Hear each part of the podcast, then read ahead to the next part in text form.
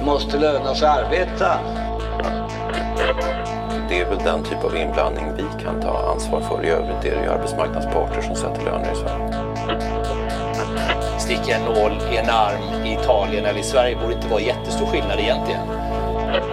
För mig är det viktigt att vi har verktyg och redskap om det är så att konjunkturen vänder.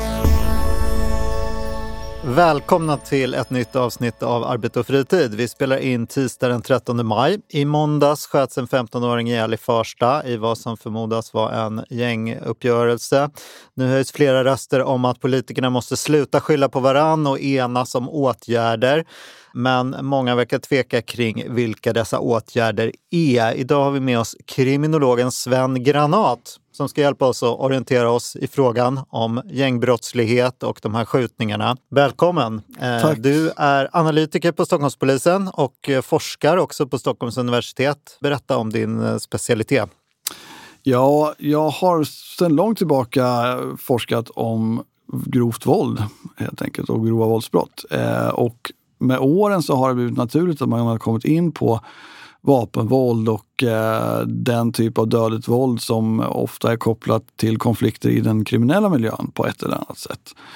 Eh, så det har blivit de senaste åren då lite av min nisch kan man säga. Då. Det har ju varit ett stort antal skjutningar, mycket uppmärksamhet. Det känns ju väldigt aktuellt nu med Farsta. Farsta är ju en förort som många har, i Stockholm i alla fall, har en relation till. Det har blivit superstort, mycket reaktioner kring just det här senaste mordet. Efter att Farsta blev så uppmärksamma så har jag sett många i mitt flöde i olika sociala medier som har sagt så här, vad gör vi? Nu måste vi liksom, ja, Polisförbundet sa att vi behövde ha en kriskommission och jag har ju från min liksom fördomsfulla värld som kanske delas av några av lyssnarna så har jag tyckt att så här, hur kan man vara så förvånad över det här? Det här är något vi har pratat om i 30 år. Ojämlikheten har ökat väldigt mycket i Sverige. Ja, vi har sänkt skatterna med 300 miljarder. Trodde vi inte att det skulle synas? Att det blir en press på att göra snabba, enkla pengar. De här förorterna pressas tillbaka i kombination med då en skola som blir allt mer segregerad där många killar inte ens får börja gymnasiet, vilket vi vet är helt avgörande för att få ett jobb. Det här liksom har varit min så lite vänsteristiska kanske bild av den här gängkriminaliteten. Jag har tyckt att ja, vi måste puffa upp de här förorterna, vi måste fixa skolan. Då har vi kommit en lång bit på väg. Men jag hoppas kanske att du kan eh, hjälpa till. Äh, du får gärna bekräfta den bilden, men du kan kanske kan komplicera den en aning i alla fall.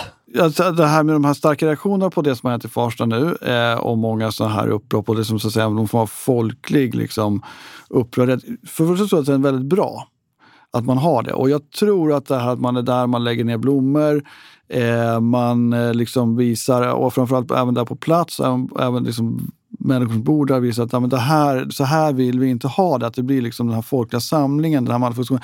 Jag tror faktiskt att den är väldigt bra där. För det, här, det finns en signal i det här. Att det här vill liksom den vanliga människan inte ha. Liksom. Och det är på samma sätt man kan säga med Drottninggatan, när det dådet skedde. Och vi, där vi sen inte har sett någon riktig liksom, repris, tack och lov, på det. Där hade man också de här stora manifestationerna på plats, lades ner blommor någonstans. Det här är någonting som kanske potentiella gärningsmän ändå tar till sig. Ja, men har man inte haft lite liknande ja. förut i Bagarmossen och så vidare? Det har man haft, på liksom, kanske mer lokalt, men kanske just den här välja identifikationen här. Nej, men shit, nu drabbar det här verkligen alla och en var här. Och jag tror egentligen att det behövs kanske mer sådana här om man säger vanliga så civila manifestationer som är ganska symboliskt tydliga. Som man hade en gång alltså i tiden för 20 år sedan när det var gatuvåld som skedde in i Stockholm city. Man hade eh, samlingar så här med tåg, alltså man gick, man gick i tåg så här då. Och det var ju också så här ganska nära där brotten hade skett och det var liksom en stor så här, så här, det här vanliga liksom, samhället som alla vill identifiera sig med liksom reste sig mot det här helt utan att så här, jaga någon med, med, med liksom en påk eller så. Va? Utan det var som den, just den, den typen, jag tror att de kan vara ganska bra. Jag skulle säga att vi kanske inte har sett egentligen så himla mycket av det på just den här typen av våld som man ser. Om det, det är interna grejer, det är det ju. Mm. Eh, och det drabbar liksom en typ av offer som inte liksom kanske är så lätta att göra offer av heller i, i, i massmedia. Det är, det är inte de ideala offren om man säger då. Mm. Vi har sett ibland, om det är lite, när lite mer avvikande offer som Carolina Kim i Malmö, eh, till exempel, där, där blir en resning. Och jag tror någonting händer i Malmö efter det också. Ska man veta. Men nu, Vad är det som kan hända då? För många säger ju nu att politikerna ska sluta skylla på varandra och gå tillsammans och göra någonting, lite oklart vad det nu är man ska enas om. Det här är ju väldigt mycket en åtskiljande fråga, tänker jag, politiskt. Ja, Vänstern har sina Precis, lösningar, ja, högern har ja. sina. Liksom. Sen, sen, sen, har vi det här vanliga som, som man har börjat med, som, man som är viktigt att hålla i, det trad, ganska traditionella polisarbetet. Eh, som handlar om att faktiskt eh, klara upp de här dödsskjutningarna så att de som bär ansvaret får de faktiskt får de straff för det enligt våra demokratiskt stiftade lagar som vi har. Eh, och inte enligt någon slags parallellt rättsväsende utan men också att man plockar bort verktygen, det vill säga vapnen som det är alldeles för många av. Eh, här har vi uppenbarligen ganska unga personer fått tag på automatgevär. Vi ser hela tiden att det finns, det finns ute i alldeles för många händer helt enkelt. Polisen i Sverige mm. verkar ju ha svårare än polis i många andra länder att lösa de här brotten. Är det så? Eh, jag, skulle, jag kan direkt säga att den, själva uppklaringen av den här typen av våld är väldigt likartad över världen faktiskt. Då. Eh, jag skulle faktiskt säga att i till exempel Stockholm de senaste två åren har vi snarare en högre uppklaringsprocent än man har i till exempel Nederländerna eller USA. Eh, de undersökningar som man har gjort, om man har jämfört med morduppklaring, så ser man precis samma tendenser i andra länder. Sen, att vi, sen om vi lyckas höja oss i det här så är det väldigt bra. Eh, ja, det brukar vara sånt ja. som kriminologer säger. Ja. Man ska, risken att åka fast är väldigt den är, precis, bra. Den, är, den, precis, den, den, är, den, kan vara ganska, den kan vara ganska avgörande. Och då kan man säga visst, nu har vi satt dit lite fler nu här genom bland annat att man har knäckt de här uh, krypterade chattarna. Vi har blivit bättre på att använda övervakningsbilder och så. Uh, och men varför har det inte hänt någonting? Jo, men för att det här är precis bara börjat. Eh, och vi har också, man har också börjat punktmarkera vissa nätverkskriminella mer. Så det är, det är liksom kanske fler i ledarskikten som har fått lite problem nu helt enkelt. Men det här tar ju en väldigt tid. Om man tänker sig att de, samtidigt har vi haft en låg uppklaring under kanske 20 år. Vi har haft personer som har fått vara ganska framgångsrika i, i en organiserad brottslighet på lokal nivå och verkat som förebild ganska lång tid. Så att blir, men många blir, har väl åkt ja. dit med de här, eh, ja, att man men, har men man, precis, lyckats precis. Upptäcka kryptering. Det, och det verkar ju bara ha lett till att det blir en ännu mer okonsoliderad ja, marknad. Liksom, ja, att små det, gäng slåss det, mot varandra. Jo, det är klart att på, på, kort sikt så blir det oreda i leden. Men man ska ju veta att någonting har ju byggt upp leden under ganska lång tid också. Så det, det har ju sen långt tillbaka, alltså sen kanske i alla fall 20, mitten, alltså 2005, 2007 2006 har det funnits personer som ändå kunnat verka som förebilder ganska ostört. Sen har de inte varit så många, de har inte haft så himla många underhuggare så de har kunnat Våldet har inte riktigt exploderat men de i sin tur har liksom banat väg.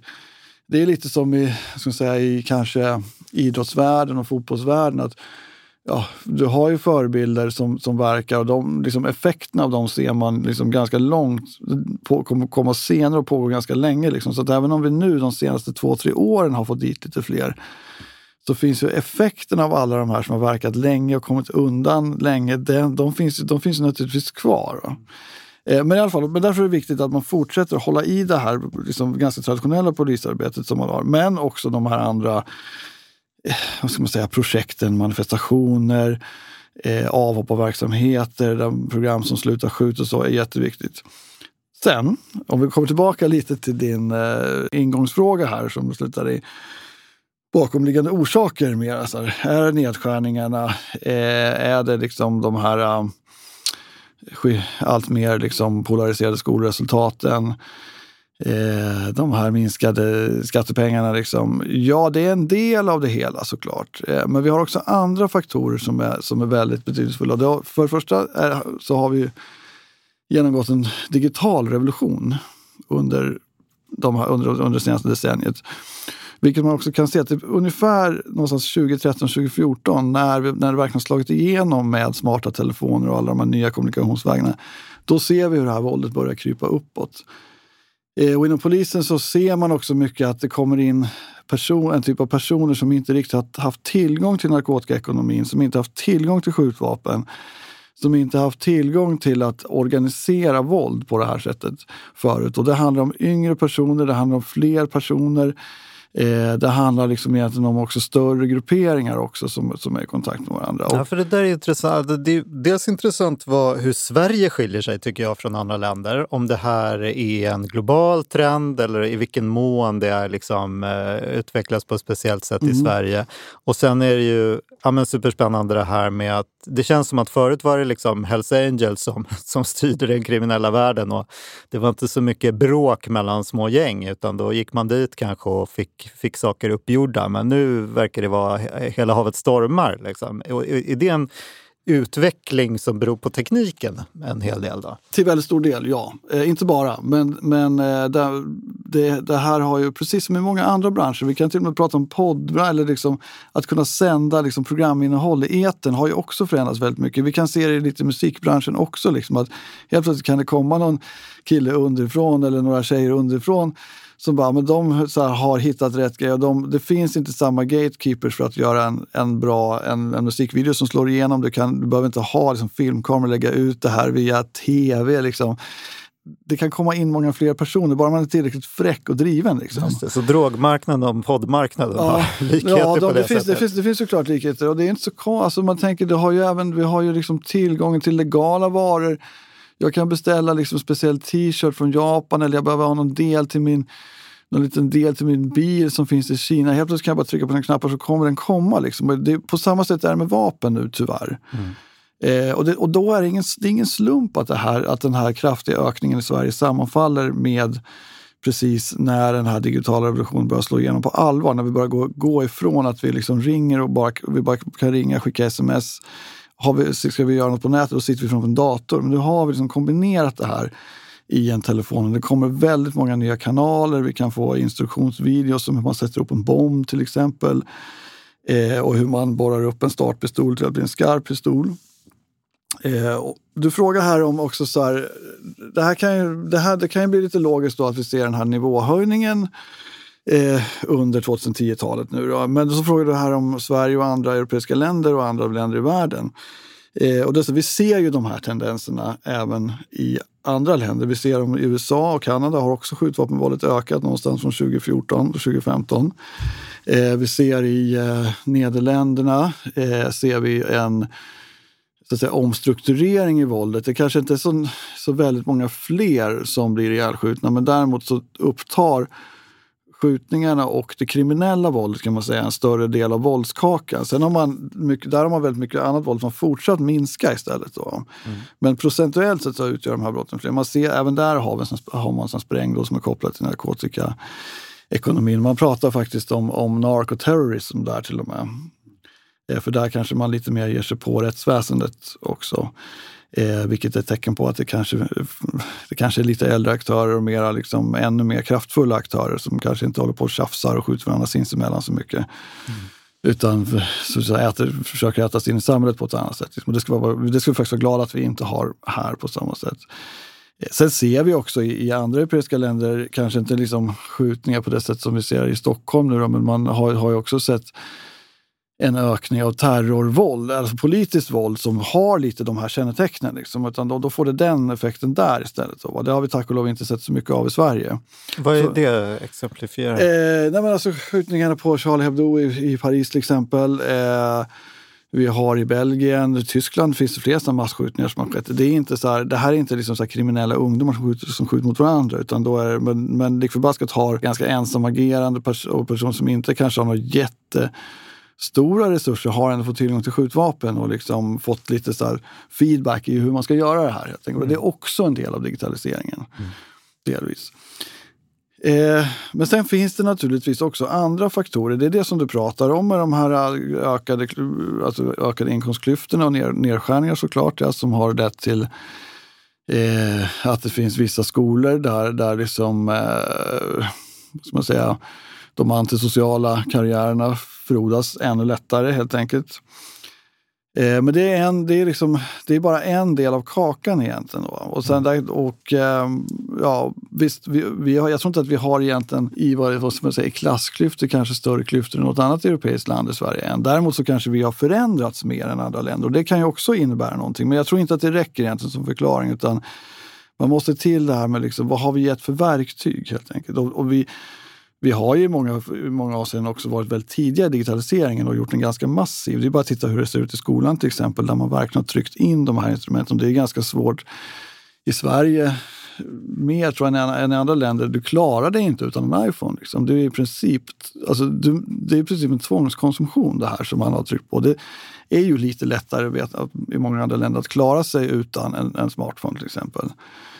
Eh, men vi har ju varit... Så vi har varit duktiga. Det, har varit vår duktiga, vår, vår förbannelse precis, är att ja, vi har varit men, duktiga på digitalisering. Ja, ja, ja nej, men vi gillar, ju, alltså, vi gillar ju teknik och vi tänker oss också att teknik är lösning på, på, på problem också. Mm. Eh, sen finns det också, men nu, nu låter det som att jag är väldigt teknikfientlig, men vid sidan av det här att det ger tillfällen och möjligheter till brott så finns det också en annan effekt av, alltså av, av digitaliseringen. För vi, vi läser mindre till exempel. Eh, vi, har kanske, vi kanske får mindre liksom, så här vardagsinteraktion som kan vara väldigt viktig egentligen. Vilket förmodligen i längden kanske leder till att vi blir lite mindre empatiska. Liksom. Och har, vi, har vi tryckt ut det här massivt och tidigt så kanske, vi håller, så kanske det faktiskt finns en empatiförändring också tyvärr i det här. Så okay. jag, jag, skulle verkligen höja ett varning. Alltså, här har vi liksom tagit oss, vad ska man säga, vi har blivit lite för frälsta helt enkelt i digitalisering. Just drogmarknaden är man ju också intresserad av. Konsumerar vi mer droger idag i Sverige? Och beror det i så fall på att efterfrågan har ökat eller att utbudet har ökat? Eller någon ja, kombination? Vi kan, vi, kan vi kan se att man konsumerar mer droger. Det kan vi i alla fall se i, åtminstone i den kriminella världen. Så är det väldigt tydligt att eh, det är fler personer som begår grova våldsbrott som då är påverkade av narkotika. Eh, både bland offer och gärningspersoner. Och det är nog så att det har liksom lite ersatt alkoholen i den, miljö, i den miljön. Liksom. Eh, alltså så preferensen för rekreationsmedel har förändrats helt enkelt. På samma sätt som matvanorna säkert har förändrats också. Men däremot så kan man säga att det inte bara kanske liksom en konsumtionsförändring här, utan framför allt så finns det tecken på att utbudet av narkotika har ökat. En ekonomi består ju liksom av efterfrågan och utbud. Och det finns mycket vad ska man säga, fakta som tyder på att deras produktion av narkotika har blivit väldigt mycket effektivare, precis som produktionen av mycket annat. Eh, man får ut mer idag. Liksom. Man får ju, jag menar, även på liksom, hur man, alltså olje, alltså man, man, man, får ju ut mer av, av bränslet idag helt enkelt. Och det, får, det gäller även narkotikan. Mm. Ja, prylar är ju väldigt mycket billigare idag. Ja, är det, det är bomoll-effekten. liksom. Tjänster blir dyrare, prylar blir billigare. Ja, precis, är det så med precis. droger också? Då? Så även med narkotika. Så även, sen, har det också, sen kommer den här såklart digitaliseringen in här också som gör att logistiken har blivit väldigt mycket bättre. Helt enkelt. Du kan swisha pengar. Idag kan vi kommunicera alltså med, även med den amerikanska kontinenten digitalt. Det kunde vi inte för 15 år sedan, vad tror jag. Då var det liksom stopp där och det blir ju mycket struligare då att, att liksom i längden transportera kokain. Och det här, det här innebär ju liksom att, att det finns väldigt mycket mer narkotika att sälja helt enkelt. Sen kanske det inte finns riktigt lika liksom ett ökad efterfrågan från början i samma omfattning. Och det här blir ju lite problematiskt. För då blir det konkurrens i försäljningsleden. Och framförallt kan det bli konkurrens i försäljningsleden när det blir ner i kedjan också. Eh, det, för den som är högt upp i kedjan, han som säljer liksom som grossist till en annan lite mindre grossist, han får igen sina pengar. Eh, nästa, nästa led kanske också får igen sina pengar. Men sen är det inte säkert att den här slutledet får igen sina pengar. Där kan liksom han eller hon bli påtryckt ett parti som man då så får köpa för 10 000 på krita och under förespegling att det här kommer du kunna sälja till polare på gatan och få igen 15 eller 20 000. Sen kanske man inte gör det. Sen kanske inte finns riktigt marknad för det här. För eh, i själva verket är det många andra som ska sälja i slutledet också. Hur många led finns och, det? Det är en bra fråga. Eh, det finns ju mycket. Den, är, den har alltid varit lite höljd i dunkel den där. Men vi kan nog prata om tre, fyra led i alla fall om vi, om vi ser från, från liksom, eh, minst tre, fyra led från produktionsland till, till liksom på gatan i Sverige. om man säger då. Vilka leder, vilket led är det som är ute och skjuter varandra? Det är ju mycket liksom det sista eller det näst sista ledet kan man säga. då. Sen, sen, kan de andra lite högre leden också ibland så att säga, organisera avskjutningar i, i konkurrens. Men de som verkligen är där och gör våldet är, är, är längre ner helt enkelt. Så det är lite pyramidverksamhet? Ja, man kan, man, kan, man, kan, man kan kalla det här för lite pyramidspelsekonomi. Liksom, där så länge du är en bit upp i leden, då får du igen pengarna. För då bygger det på att det rekryteras nya hela tiden som tror att de ska få igen pengarna.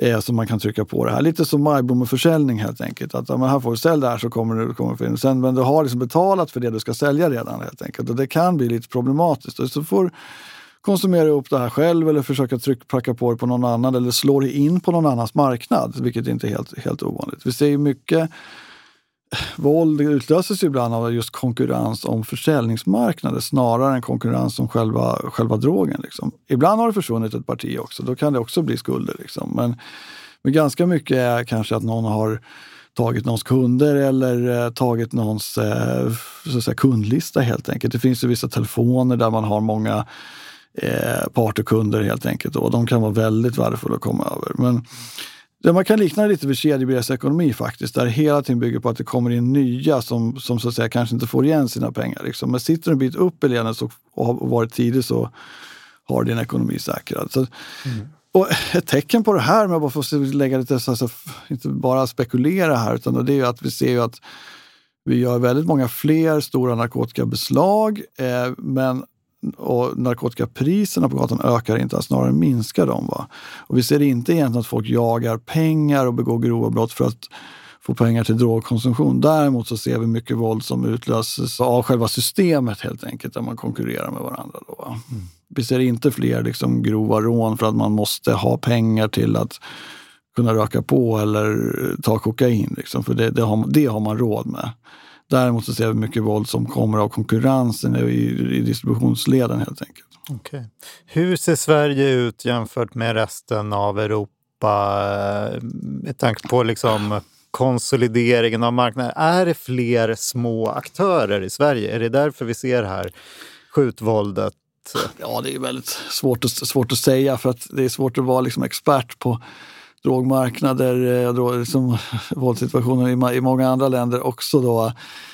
Eh, det kan tänkas att det är så att den här eh, drogmarknaden i Sverige är liksom mer kaotisk än andra. Det kanske är så att det finns lite mer ordning och kontroll och reda i leden där.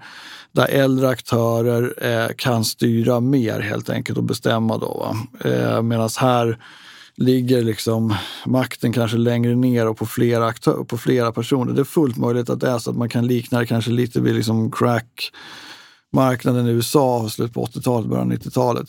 Och det kan ofta vara så när det har kommit in, kommer in mycket nya preparat, det blir en omstrukturerad, då kliver det in andra aktörer, det blir någon form av kaos.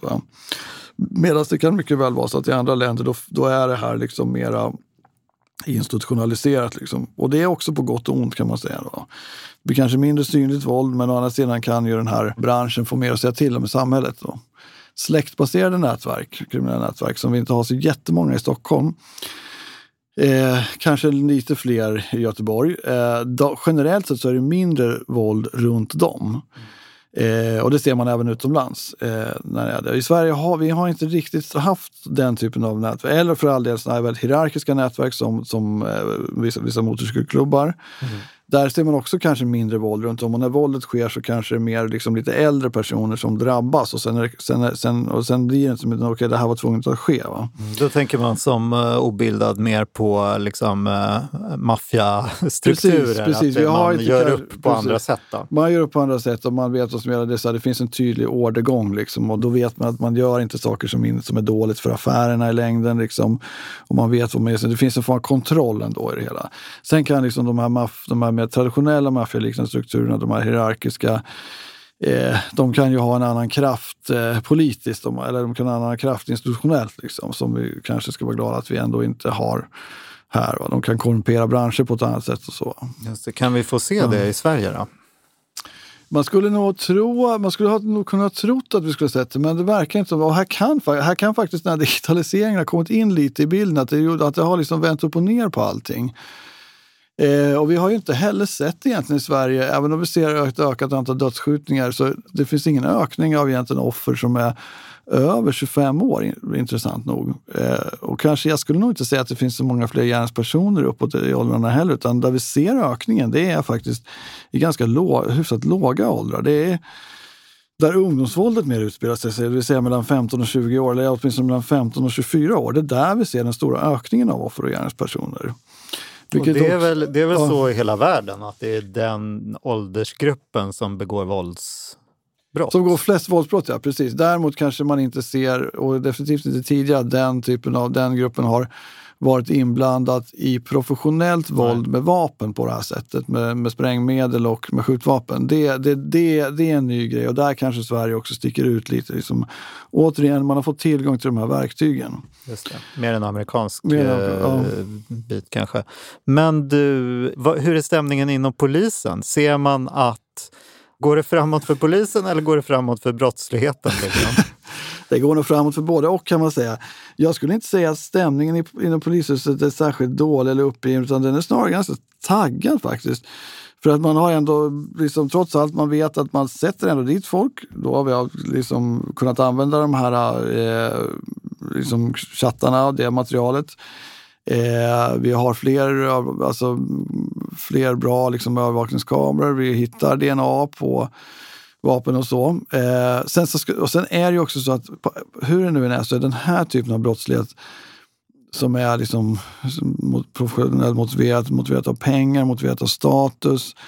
Eh, man går på varandra. Hur, hur liksom skrämmande den är och hur mycket att folk hamnar i skottlinjen så att säga. Den kanske lik förbaskat mindre tung att jobba med än till exempel sexualbrottsmål eller våld i, dödligt våld i nära relationer. Eller, alltså, eh, det finns saker som känslomässigt är tyngre för den enskilde polismannen än de här, än de här grejerna faktiskt. Även om det här är farligt och så, det kan vara man, man, man, det är jobb, det är såklart man vet väldigt många som kommer undan och att som, man har folk som är åtalade där bevisningen ändå inte håller fast man vet att det var ju den och den som låg bakom det här och de har legat bakom väldigt många fler grejer och de kommer fortsätta med det här. De kommer Just det, komma det finns en viss pengar. affärsmässighet i det här, även om det är precis. väldigt Men unga det gör, människor det gör, som det gör, det gör nog att, liksom, så att, säga, liksom, så att säga, känslomässigt så är det inte lika tungt, lik förbaskat det här. Utan det här vill man, här, är, här pågår en jakt helt enkelt kan man säga. Liksom, på, eh, på, på de här personerna. Sen är man ju såklart mm, inom, alltså, det finns ju såklart en oro liksom att eh, oj shit, det, är så här, det är liksom galna, det är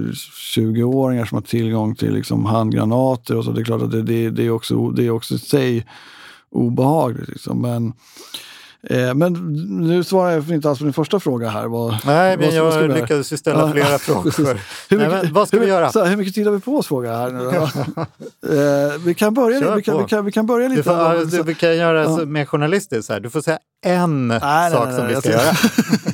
Nej, jag tänkte att vi skulle börja lite, lite mer liksom, eh, liksom kriminologiskt pedagogiskt här helt enkelt. Och bara säga vad, vad som ger att brott kommer till stånd överhuvudtaget och vad som ger liksom, oftast kanske förändrade brottsnivåer och så, och brottstrender. Då är det egentligen tre komponenter som behövs. Dels behöver du ha motiverade gärningspersoner eller en motiverad gärningsperson. Sen bakom det, det kan finnas massa faktorer som kommer in där. Att en person blir motiverad att begå brott. Det kan vara bristande anknytning till arbetsmarknaden, det kan vara personlig läggning, psykopati, impuls, bristande impulskontroll, massa saker, otrygg uppväxt. Eh, det kan vara liksom väldigt starkt patriarkala värderingar, kriminella värderingar, kriminella kan vara massa, massa faktorer som ofta kom, liksom kombineras. Då. Men det här är en komponent av tre. Sen har vi den, den andra viktiga komponenten, det är det här med liksom verktyg och lämpliga brottsobjekt. Här kommer det in det här med vapen, eh, narkotika att sälja och så. Där, där har vi den kakan där liksom digitaliseringen har gjort väldigt mycket. Sen har vi en tredje komponent som, är, som man kallar för kapabla väktare.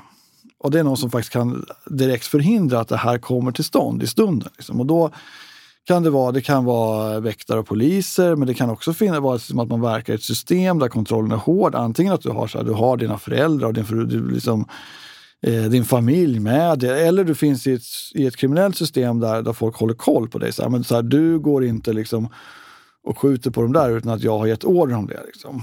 Så det är Här- två pushfaktorer och en eh, tillbakahållande. En, tillba liksom, en tillbakahållande, precis. När, Men här, det här, de här måste egentligen samspela liksom. och då måste man attackera alla de här grejerna. Eh, och jag tror att eh, det här med, vi, vi kan försöka komma åt det här med vapnen. Narkotikan är svår att komma åt utbudet för att det, är, det, finns, det finns ändå pengar i det hela och, liksom, och vi, det har, vår digitalisering har underlättat det här jättemycket. Eh, sen, har, men sen har vi det här med motiverade gärningspersoner. Det kan vi nog komma åt på lång sikt. Eh, där det handlar om att hålla i välfärden, eh, se till att folk har trygga uppväxter helt enkelt. Får en anknytning till arbetsmarknaden. Det här kan vi egentligen göra liksom lite med långsiktiga politiska medel.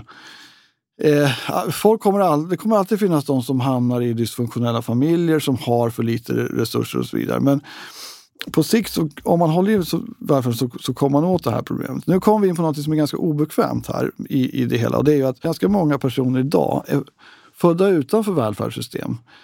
Eh, de är födda i länder som eh, inte har demokrati, inte har välfärd. Och det är klart att på gruppnivå så ökar ju risken för otrygga uppväxter i det. Annars skulle inte vi ha välfärdssystem här i Sverige. Och annars skulle vi inte se att det har också, om vi tittar på brottsligheten bland de som är födda i Sverige med två svenskfödda föräldrar, den har egentligen minskat väldigt länge. Och den har minskat på, som egentligen på relativt kort tid. På 90-talet hade vi betydligt fler personer som begick dödligt våld och hade två, var födda i Sverige med två svenskfödda föräldrar. Men då fanns det kvar mycket sådana här riskfaktorer. Det fanns kvar mycket familjer där det fanns våld liksom, i uppfostringsmetoden. Eh, alla gick inte på liksom, förskolor. Vi hade inte samma, fortfarande var som det gamla Sverige med dålig mödravård, dålig förlossningsvård barnaga, eh, stora familjer. Det fanns kvar då fortfarande. Vi hade, och man trodde, nog, man trodde inte att det skulle finnas kvar så länge. Liksom. Man trodde liksom på, på 40-talet att ja, men nu börjar vi införa välfärd, och, eller kanske ännu tidigare, att liksom, vi kommer inte få någon kriminalitet. Men det, det tog lite längre tid. Liksom. Men i Sverige finns ja. ju ändå förskola ja. och så vidare. Jo, det är inte jo, mer att precis. Eh, det handlar men, om men en, en också, ny underklass, så att säga, som vi hade jo. haft i alla fall, även om vi inte hade haft invandring. Det finns något ja, mer där? Ja, sen har, sen har vi den här alltså att, vi, att vi skär i välfärden också. Men vi kommer inte runt det här att om vi har upptagning från, från så att säga, delar av... Jag vet att det här är inte helt populärt att säga, men eh, där man då inte har det så kommer det, det kommer också någon mening avspegla sig här på gruppnivå. Och det här är inte samma sak som att säga att ett, en viss etnicitet innebär på individnivå att man är mer kriminell. Absolut inte. Eh, men däremot så, jag menar, vi, sk vi, vi, skulle inte se de stora skillnaderna om det inte spelar någon roll med välfärd. Och varför har vi välfärd egentligen? Jag tror inte vi skulle säga så, vi har, om vi hade en region eller län i Sverige där man inte hade några förskolor. Man hade inte det var tillåten barnaga, det var liksom demokratiska, man hade inga sådana val eller någonting. Liksom. Men det pågick också någon form av kanske någon inbör, något inbördeskrig till, så mellan två städer i det här länet. Vi skulle nog inte tycka det var konstigt om de om det liksom också blev mera våldsamheter runt om personer, alltså på gruppnivå runt de personer som var därifrån. Hänger ni med i resonemanget? det här är inte samma men jag tänker, men de här personerna bor ju nu i Sverige där vi har förskola jo, och så vidare. Jo, jo, men det tar ju, alltså det, det är klart att det, om, du, om, du född, om du ändå är född utanför bor i Sverige så på grupp mm. så blir det ändå fler individer som har, kanske får med sig en otrygghet. Eh, och kanske då också en svagare anknytning till arbetsmarknaden. Det, det, det är en väldigt Ja, att man får dåliga jobb, man får ja. de sämsta jobben. Men det handlar inte om var man kommer ja. eller ja, det, det är en effekt av var man kommer ifrån. Men, ja, men, ja, men, men det är ingen precis, kulturgrej riktigt. Nej, men det är inte en kulturgrej jag pratar om här nej. heller. Utan det är någonting annat. Det är helt enkelt som att välfärdssystemen tar tid på sig att verka. Mm.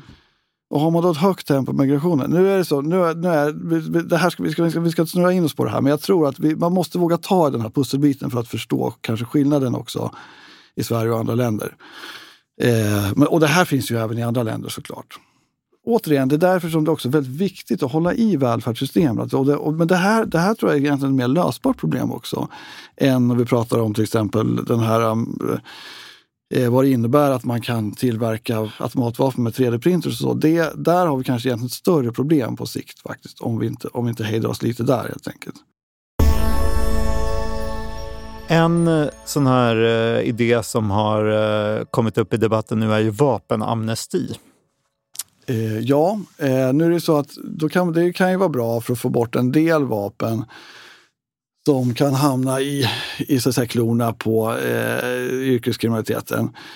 Eh, men de vapen som kommer in på vapenamnestin är ju ganska mycket vapen som är gamla jaktvapen. Eh, det är något sån här som man har, någon revolver som man har hittat när man har städat ur dödsboet efter farfar och så. Så det är kanske inte primärt de vapen som används i eh, de här kriminella sammanhangen. Men det är ändå bra för att de här vapnen skulle kunna hamna fel också. Och att jag tror att vi kan få in ett och annat vapen som någon faktiskt har köpt helt illegalt i akt och mening, kanske för att ha som skydd i brottslig verksamhet, men som man sen bara, nej men jag lägger av med det här nu, vad fan ska jag göra av den här pistolen nu då? Liksom.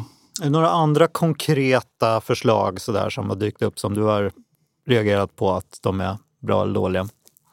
Ja, vad har vi för konkreta förslag? Nu Alltså, vi har ju mycket repressivt ja, från ja, mycket eh, regeringen. Att det ska Precis. förlänga fängelsestraff Precis, och så det så vidare. här, jag är tjänsteman inom polisen så jag ska helst inte kommentera så här enskilda riksdagsmotioner och så för att jag får inte göra någon partipolitisk propaganda helt enkelt. Och, och vare sig det ena eller andra hållet. Eh, men jag tycker ändå så här att man kan, man kan titta lite på hur man har jobbat med annan brottslighet faktiskt. Just det här med, med alltså våld i nära relationer där man har ganska framgångsrikt, man har, man har synliggjort offren.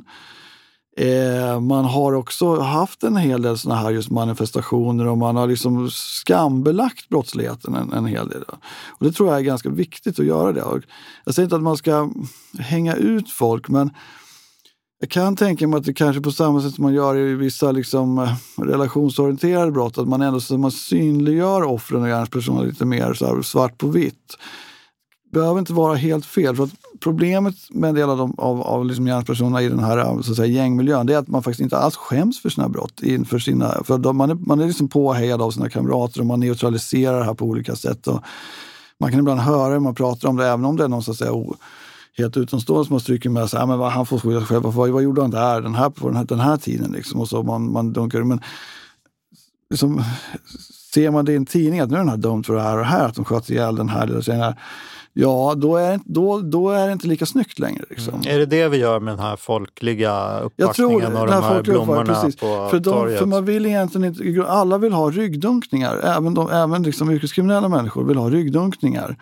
Eh, och att polisen inte ger dem ryggdunkningar, det bryr man sig inte om. Liksom, för de ser man ändå som någon form av eh, liksom, sten i skon om man säger då. Men när man ser att vanliga liksom, andra tonåringar liksom, verkligen så här, tar avstånd från det här liksom, så tror jag att det kan vara väldigt effektivt egentligen. Liksom. Mm.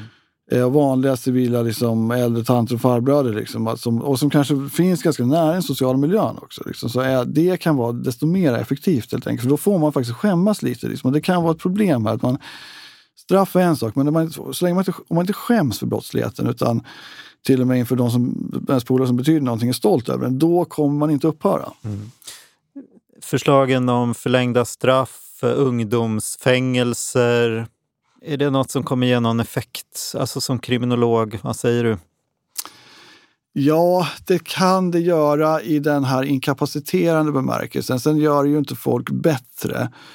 Eh, för att man har ju fortfarande, ja, men det fanns ju en orsak till att man begick brotten överhuvudtaget. De flesta människor begår ju inte allvarliga brott och vi har, har heller inte suttit i fängelse. Liksom. Så att det finns ju någon, någon slags faktorer innan som lever och de finns ju kvar. Sen. Så det, det Ja, men det är att man låser in folk när de är 18 så kommer de ut när de är 28 och då kanske de inte är så kul med brottslighet Nej, längre. det, precis. Däremot är det svårt att begå brott, brott under den tid som du sitter inlåst Mm. såklart. Ja. Och du har också svårare att dra in andra i brottsligheten såklart. Va? Så det är klart att det kan viss, en viss mått av, men då handlar det nog mer om att höja kanske, inte, inte liksom öka maxstraffen för mord, för där har vi extremt höga straff redan. Liksom, vilket också kan, skulle jag hävda, leda till att beviskraven börjar bli orimligt höga också. Eh, för det är psykologiskt sett ganska svårt att döma en persons livstidsfängelse. Så där, men däremot kanske minimistraffen för andra brott som finns runt omkring som vi pratar om eh, grov vapenbrott, utpressning, eh, kanske försök till mord. Alltså man höjer minimistraffen lite för det är klart, då blir ju folk inkapaciterade lite längre och kan inte, framförallt inte liksom dra in andra i brottsligheten. Då, va? Men samtidigt det du pratar om att det finns ett väldigt utbud av droger. Det är inte så himla dyrt längre. Det är ganska enkelt att få hit tekniskt och så vidare. Det tyder väl på att den här marknaden kommer inte försvinna för att folk sitter i fängelse. Det kommer ju Nej. nya rekryt, rekryter om nej. det finns pengar att göra. Nej, nej, precis. Nej, så är, det ju, så är det ju såklart. Och framförallt så finns det kanske nya som ser att de komma upp i karriären och bli den här grossisten helt enkelt. Då? Eh, Och sådana brott kan vi tyvärr se. Man, man kanske tar på sig ett torpeduppdrag, inte för att man ska ha pengar till att knarka, men man vill ha pengar till att kunna köpa en stor narkotikalast i Spanien. Och därigenom komma, liksom, bli en storhandlare, för då vet du, då har du, dina, då har du din vinst säkrad om du kommer upp på det ledet. Liksom. Eh, och det är klart att det är, jag har ingen lösning på det problemet, liksom, för vi har de här kommunikationsvägarna, alltså den här kommunikationstekniken som vi har. Där, vilket på många sätt gör ju livet ganska enkelt på andra sätt. Liksom, idag vill jag åka till Korsika så kan jag ganska lätt liksom administrera den resan idag. Det är ganska lätt. Jag kan så kolla runt och sen så, ja, så betala snabbt, smidigt digitalt. Det är så oerhört enkelt och det finns en kvalitet i det här. Liksom. Alltså, jag tror inte vi kommer släppa det. Jag tror inte vi säger att nu går vi tillbaka till att ha telefonkiosker. Liksom. Då skulle den här brottsligheten få enorma problem. Men det är vi inte beredda att göra. Liksom. Mm.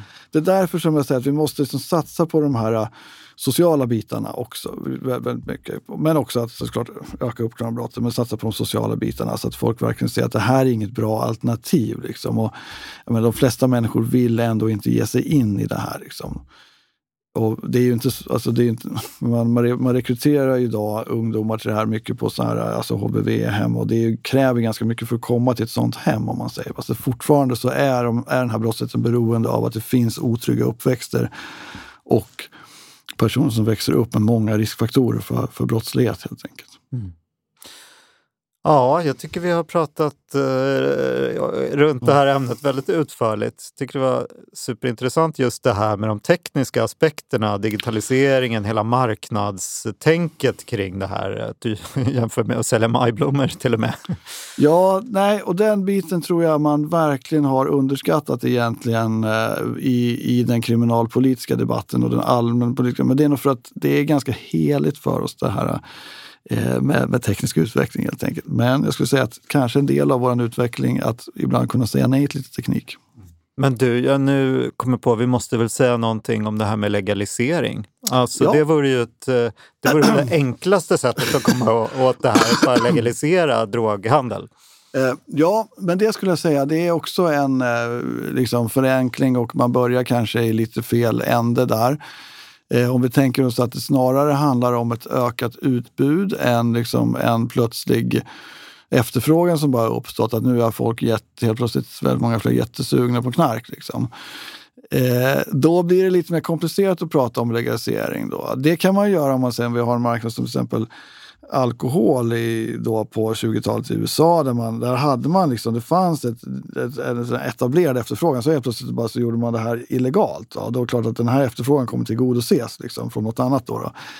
Här skulle jag säga att det snarare börjat i ett ökat utbud ändå. Eh, och då undrar jag vad man löser egentligen med en, med en legalisering. Då. Eh, sen är det också så att visst, då kanske en del kommer köpa sitt knark då, eh, av en så att säga, leverantör som inte håller på med brott va? på säg, apotek eller vad det nu kan vara. Eh, men då kommer kanske hela sektorn öka. Och då kommer, även den, då kommer den illegala sektorn följa med. Så att den kanske inte blir nödvändigtvis större, den kanske får en mindre del av kakan, men den totala kakan blir större. Mm. Eh, så då kommer vi inte undan de här problemen. Dessutom ska man veta att just narkotika är ganska lätt. Men då lätt. blir det ju legal verksamhet. Ja, men, jo, jo, jo, men om det blir fler som köper knark så kommer också fler kanske fler kommer köpa legalt, men fler kommer kanske köpa illegalt också. Eh, för att det är ganska lätt att konkurrera men just med ska det finnas illegala droger också? Jag tänker att allt kom... ska bli legalt. Okej, okay, ja, men det, man kan, kommer inte kunna göra hur legalt som helst. Eh, och det är ganska lätt på att konkurrera illegalt med droger i och med att det inte är en gastronomisk produkt. Vin är lite svårare. Mm. Och det har vi haft så länge så det, har liksom fått, det finns etablerade märken och så. Liksom. Jag tror att man ganska lätt kommer kunna konkurrera illegalt med den här legala narkotikan lik förbaskat. För det är också unga personer som vill ha den. Och, man kanske, mm. och det kanske inte är så himla efterfrågan alltid som vi, som vi tror heller nödvändigtvis. Mm. Eh, och man kanske inte kommer vara intresserad. Du kan, kommer ändå inte kunna köpa obegränsad mängd kokain till exempel i en mataffär. Det tror inte jag. Mm. Eh, och men säljs det i en mataffär eller motsvarande så kommer vi kanske få fler som är ändå intresserade av kokain och då kanske det också blir fler som börjar köpa det illegalt. Så jag tror att det är nollsummespel. Och det finns heller inga studier som visar, till exempel i USA, när man har legaliserat att blir det mindre våld, blir den illegala sektorn mindre? Nej, det blir den inte heller. Mm. Det är snarare att marknaden blir större och generellt. Liksom. Det är inte som i The Wire alltså? Eh, nej, The Wire är fiktion. Liksom. och Sverige är inte USA alltid heller. ja, jag tänkte ju innan den här podden att vi skulle prata lite om brottsligheten eh, generellt också, men eh, nu känns det som att vi kanske får spara det till ett annat alltså, avsnitt. Bränt, bränt av tiden, ja. ja. men bra. Vi sätter punkt där helt enkelt. Ja. Ja, supertack för att du kom hit, ja. Sven Granat, kriminolog. Tack för att jag fick förtroendet att vara med. Eh, bra, vi ska ja. väl bara säga att eh, man gärna får komma med förslag på vad vi ska prata om i kommande poddar. Eh, nu är det snart sommarlov, men eh, vi eh, fortsätter oförtrutet fram till sommaren i alla fall. Hör av er och glöm inte att prenumerera så ni inte missar kommande avsnitt. Tack för oss!